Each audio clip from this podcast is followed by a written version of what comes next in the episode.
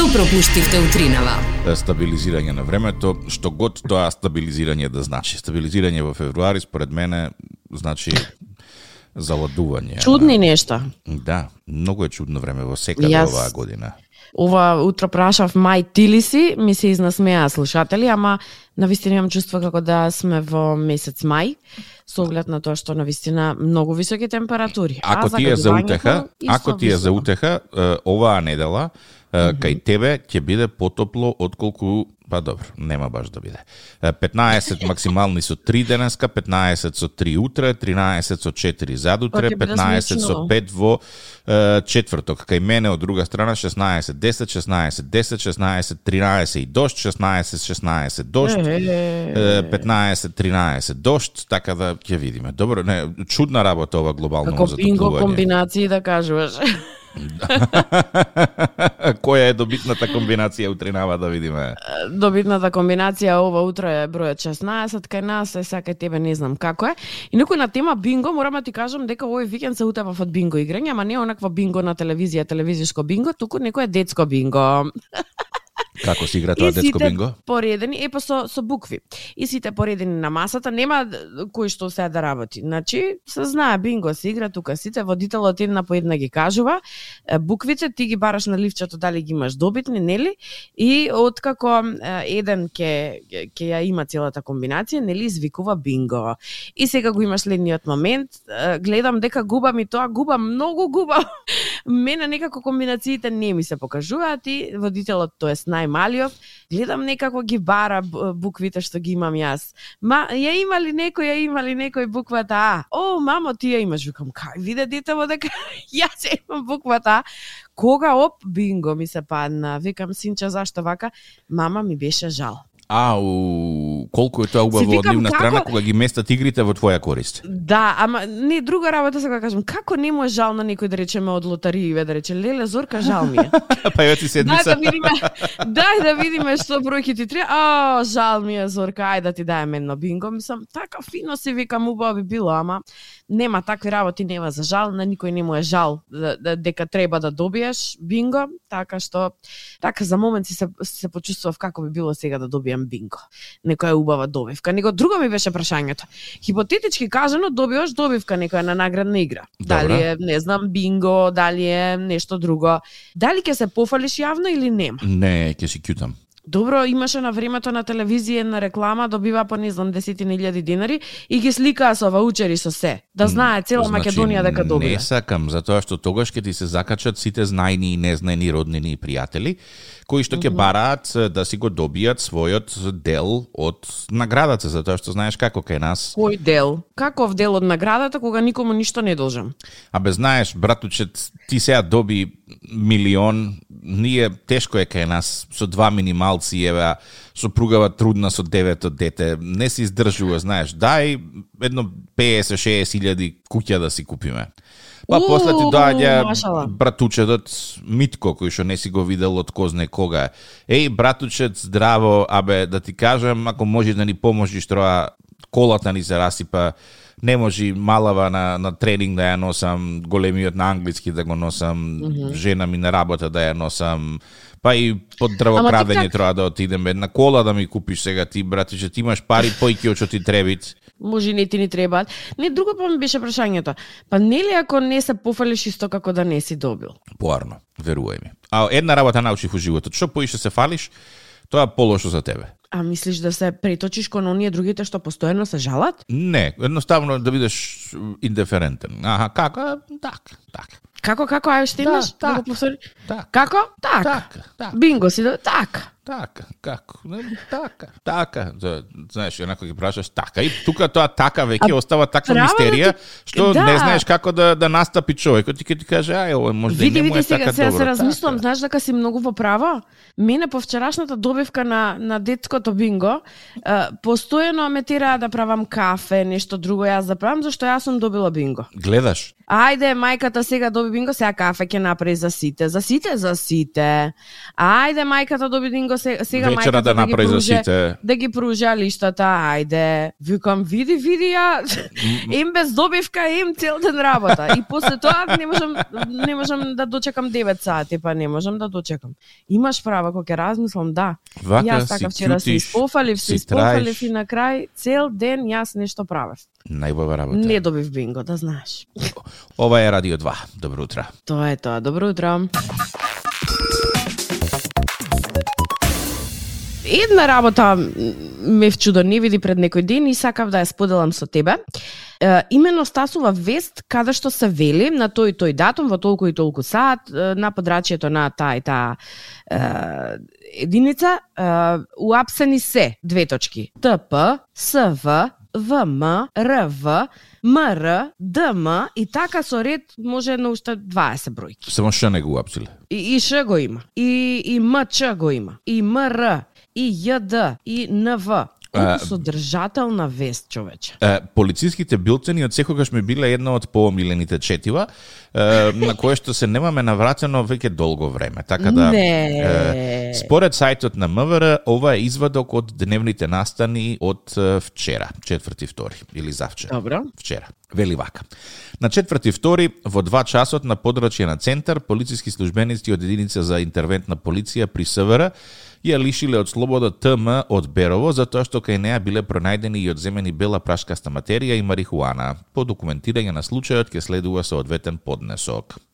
На четврти втори во еден часот во Гостивар, полициски службеници од СВР Тетово, ОВР Гостивар го лишиле од слобода и А43 од селот Шегране Гостиварско, затоа што кај него била пронајдена и одземена бела прашкаста материја. По документирање на случајот ќе следува соодветен поднесок. Значи, пази, одиш бре у перална да си переш алишта, они те апсат со бела прашкаста материја.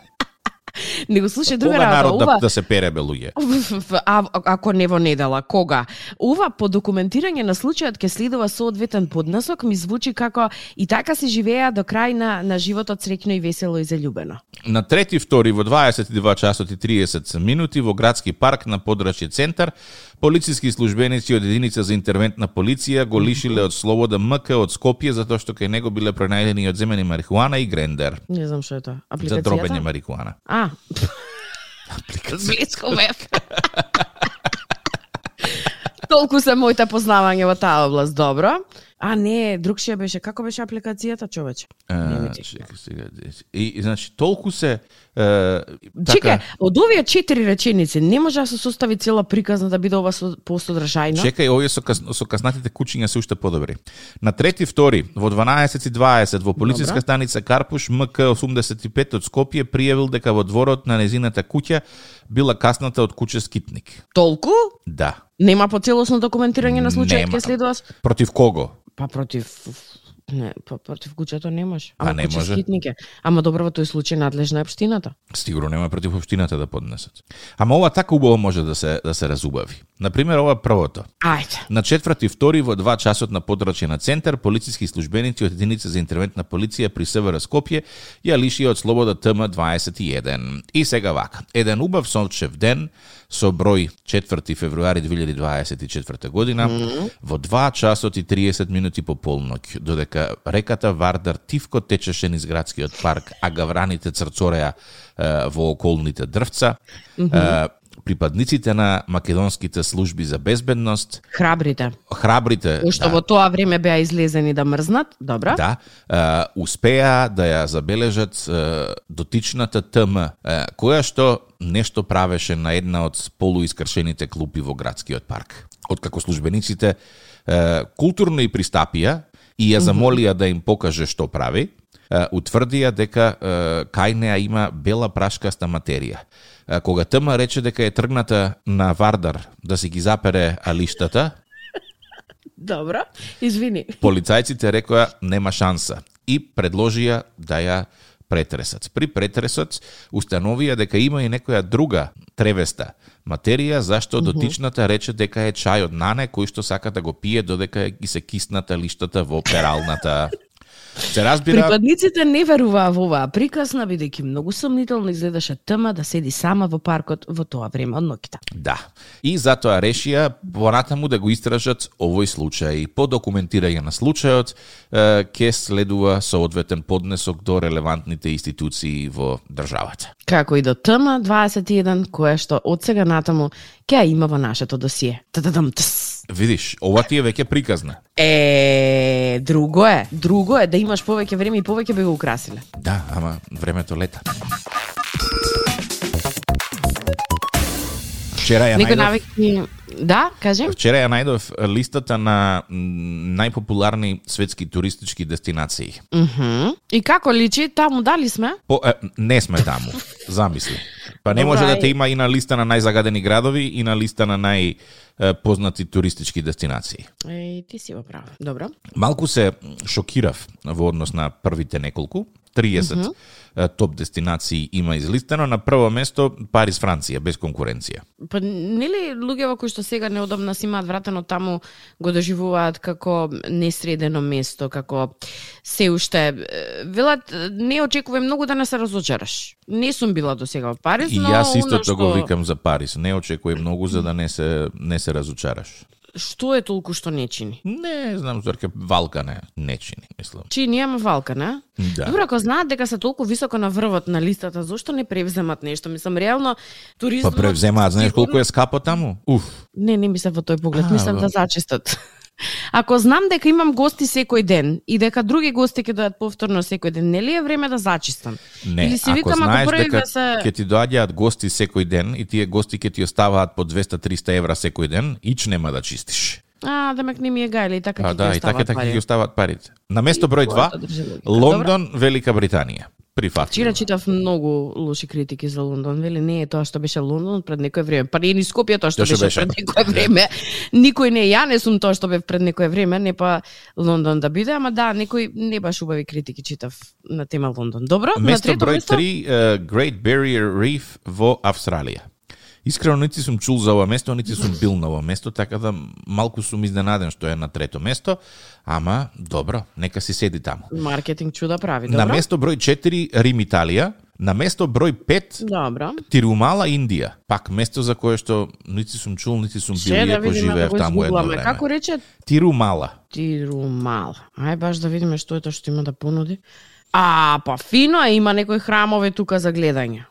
Добро. На место број 6 Нью Йорк Сити, на место број 7 Кейптаун Јужна Африка, на место број 8 Тадж Махал Индија, на место број 9 Барселона Шпанија и на место број 10 Ангор Ват Камбоџа. Ајде, на место број 9 би одела. На место број 10 не сум сигурна баш. Мислам. Камбоџа, викаш, Да, а? да. И Туре, знаеш, кај се овие европските дестинации кај што ностоп беа на првите места? Кај се, кај се, 3, 4, 5, значи на листава од 30 градови, 6 се од Индија. Добре, дали е Индија новата светска дестинација?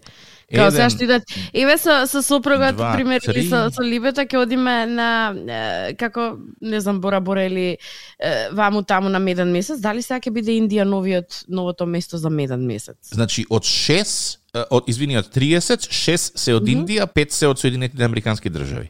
Значи од 30 11 припаѓаат на на две А земји. добро со Европа шо обидно. Од Европа, значи освен Париз, Рим и Барселона, е, и И- Будимпе и и Лондон Будимпешта е тука. Лондон Добро. добро, Лондон, Будимпешта, е, Флоренца, Италија, Амстердам Пет, шест. и толку се.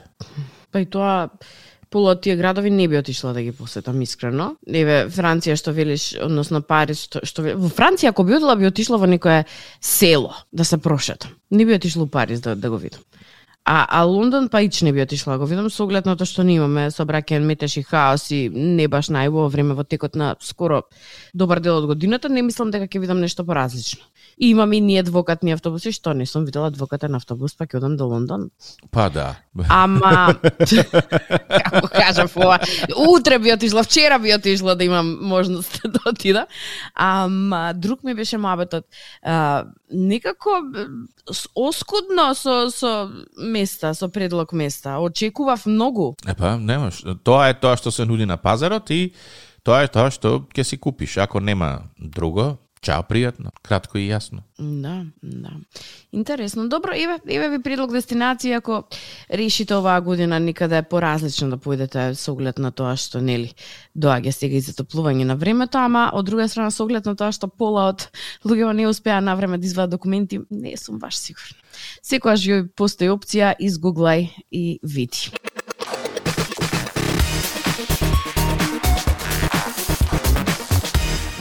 Mm А денес 5 февруари, ден посветен на многу нешто, меѓу кои нешто кое што е толку многу природно, а во исто време толку многу срамно.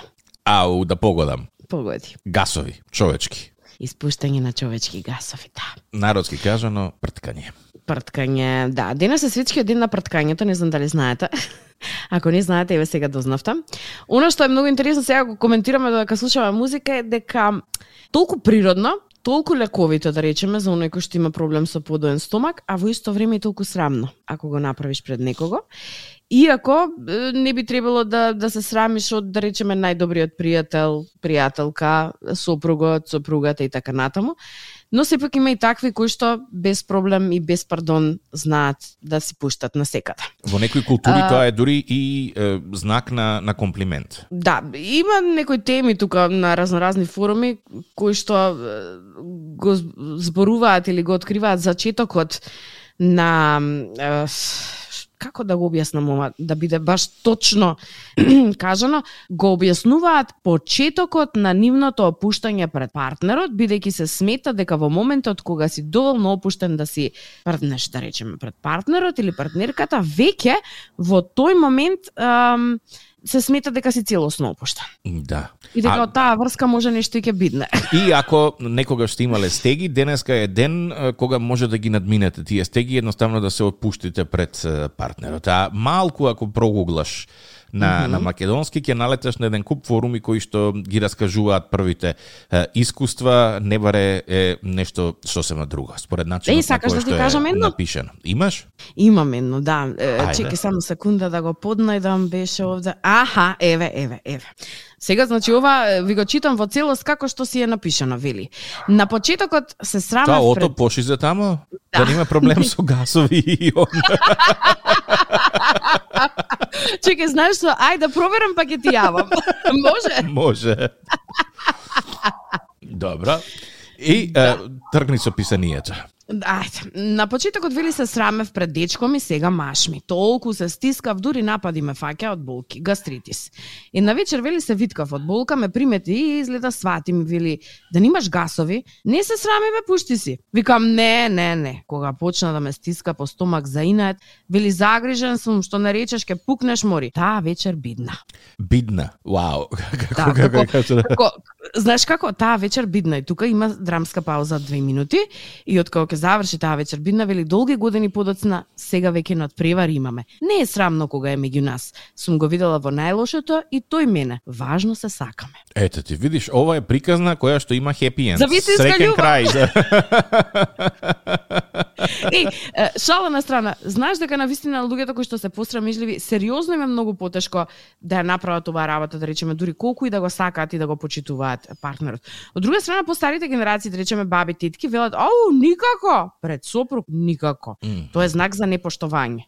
Ја не сум баш сигурен дека е знак за непочитување, ама... Непоштовање, да. окей, ама ако те стегне стомакот и цркнеш на база на тоа да, да почитуваш... Од гастритот, да. Па не знам, не е баш најпријатно чувство права да ти кажам. А не знам дали знаеш дека на база на тоа кој како испушта гасови може да да биде откриен неговиот карактер. Како, како, како, како, како? На база на тоа кој како испушта гасови може да биде откриен неговиот карактер, ама тоа ќе да го кажам за неколку минути. Сериозно, вау, со нетрпение чекам да видам у која категорија спаѓам. Остани на Радио 2. Добро утро. Нешто ти должам. Да, ми ги должиш категориите. Вели, е, според информациите, дека може да се одреди целиот карактер врз база на тоа како човек пушта гасови. Ајде, цел Па да, да пробам да, да ти е, посочам. Културниот вели си подпрднува и вели пардон. Тој го знаеме, мислам дека сите имаме по еден таков. Дволичниот вели подпрднува и прашува кој прдна? Да, тие се најлоши.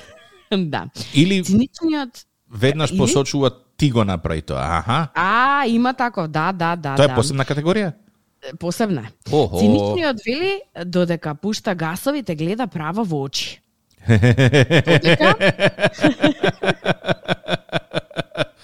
Додека Добро. Додека кавалерот секогаш ја пушта дамата прва да пушти газ.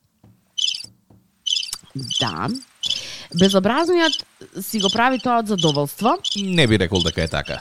а снобот прди само во добро друштво. Е, како знаеш кога е добро? А, треба да се чувствуваш, Треба да се чувствуваш привилегирано ако во твое друштво. ова е отворено за толкување, Зорке. Значи, секогаш Така можеш е, предходниве четири категории да ги ставиш во категорија сноб и да кажеш јас сум битен, да ме немаше мене, ова немаше да ти- се случи. Слушај, ти можеш да би, можеш да бидеш и снопи циничен или снопи дволичен. Не мора да си само во една категорија, значи можеш да шеткаш од категорија на категорија. Еве стави си штиклирано на колку ќе се пронајдеш. Ајде. Нестрпливиот, нестрпливиот вели едва е чека да си прдне. А добро воспитаниот бара дозвола пред да го направи тоа. Ја би рекол добро воспитаниот се упатува кон најблискиот прозорец или отворен Е, не, вели Простор. бара дозвола пред да прдне. Дискретниот вели, подпрднува и вели, нека остане ова помеѓу нас. Ма каква помеѓу нас отвори прозоржите и све? Јас сум реалиста, Зорке. Реалистот да го смета врдењето за природна работа, а егоистот вели си подпрднува само за себе.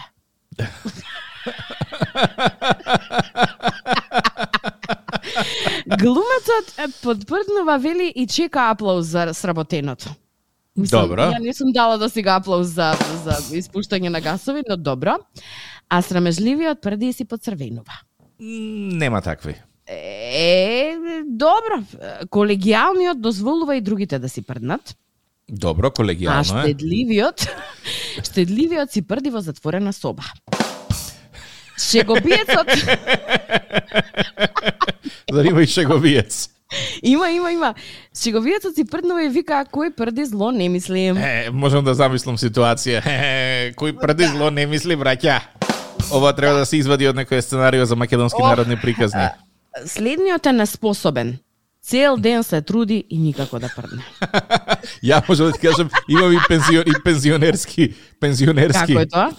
Прди и се жали дека во негово време подобро се прдело.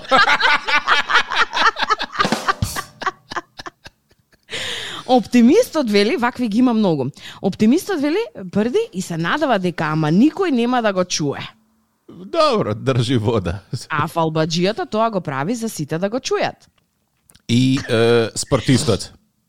А спортистот вели, ако некој прдне еднаш, тој ќе прдне два пати само за да го собори неговиот рекорд. Тоа е тој надпреварувачки дух тука. Да, мислам дека нема ништо полошо од ова или подобро. Не знам, се надавам дека си најдовте во кој категорија си спагети. Ако е тоа така, баш ми е драго. Во Ако секоја друго, катего... друга категорија, освен реалист, живеете во, во заблуда, да ви кажам Да, јас. да, да не се лажеме, да си бидеме искрени со други, едноставно да. Сека, секој од вас сигурно сум дека се најде барем во две категории, ако е така, и ви не мора да ни пишувате да не биде сега да ве прашуваме како поредите. Не, не мора. Ама драго ми е, ако барем во две категории се најдовте, да не се лажеме и не си се лажете себе си. Едноставно, сосема нормална и природна работа. Тоа е тоа. 9 часот 12 минути, ова е Радио 2. Добро утро. Добро утро. На Радио 2, секој работен ден од 7.30. Будење со Тик-так и Зорка. Во случај на неконтролирано смеење и симптоми на позитивно расположение, консултирайте се со вашиот лекар или фармацевт.